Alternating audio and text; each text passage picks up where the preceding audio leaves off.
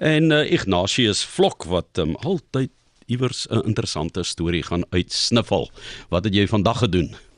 Johan, vryf in waarvoor jy bekend is. Jy weet, konsentreer op dit wat jy van weet. Anders help ander jou. So bevind ek my een oggend net voor of net na 6 by 'n waterpunt op iets soos 15 km van 'n maraton of 'n halfmaraton op 'n dorpie wat na gerugte die hoogste brandewynverbruik ter wêreld het. As daar moes tou getrek word oor die titel, sou die dorp beslis wen. My die waterpunt is 'n inwoner met sy piknikmandjie.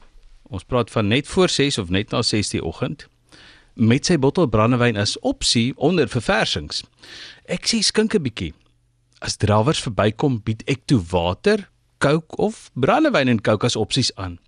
Die eerste persoon wat gedink het ek maak 'n grappie was 'n dame. Jy moes haar gesig gesien het. Nou, ander mense het eers 'n rukkie gekuier by daai verversingspos van ons. Maar terug by vandag se storie. Mense in Montenegro is glo bekend vir lui wees.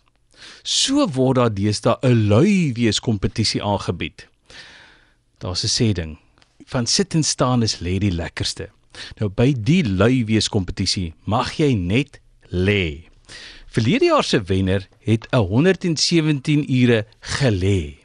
Vanjaar is die kompetisie egter strawwer. Daai deelnemer is daar, maar gister het 7 van die deelnemers al 463 ure gelê en almal sê hulle voel nog sterk, seker goed uitgerus.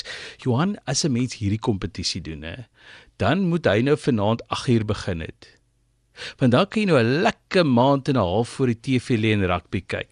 Ek weet nie wat hulle doen nie. Ek weet jy mag 'n rekenaar hê, jy mag 'n foontjie daar hê. Jy kan net so nou en dan opstaan om 'n draaitjie te loop, maar jy mag nie regtig staan nie. Dis nou net soos om 'n figuurlike draaitjie te loop maar met die volgende maand en 'n half voor die skerms vir die rugby, kan ek dink baie Suid-Afrikaners sal ook vir hulle 'n bietjie van 'n go kan gee. Ja, 8 weke lank kan jy 'n lui dier wees. Die trofee seker 'n lui dier wat hulle in brons daar gemaak het. Man, ek, ek weet jy kry iets soos 1000 euro of so iets as jy wen. So dis nou nie verskriklik baie geld nie. Ek weet nie hoeveel jy in hierdie 20 dae kon verdien het van rond lê nie, maar nou ja, jy jy kies jou atlete volgens so, hulle sterkpunte. 1000 euro is vir jou nie baie geld nie.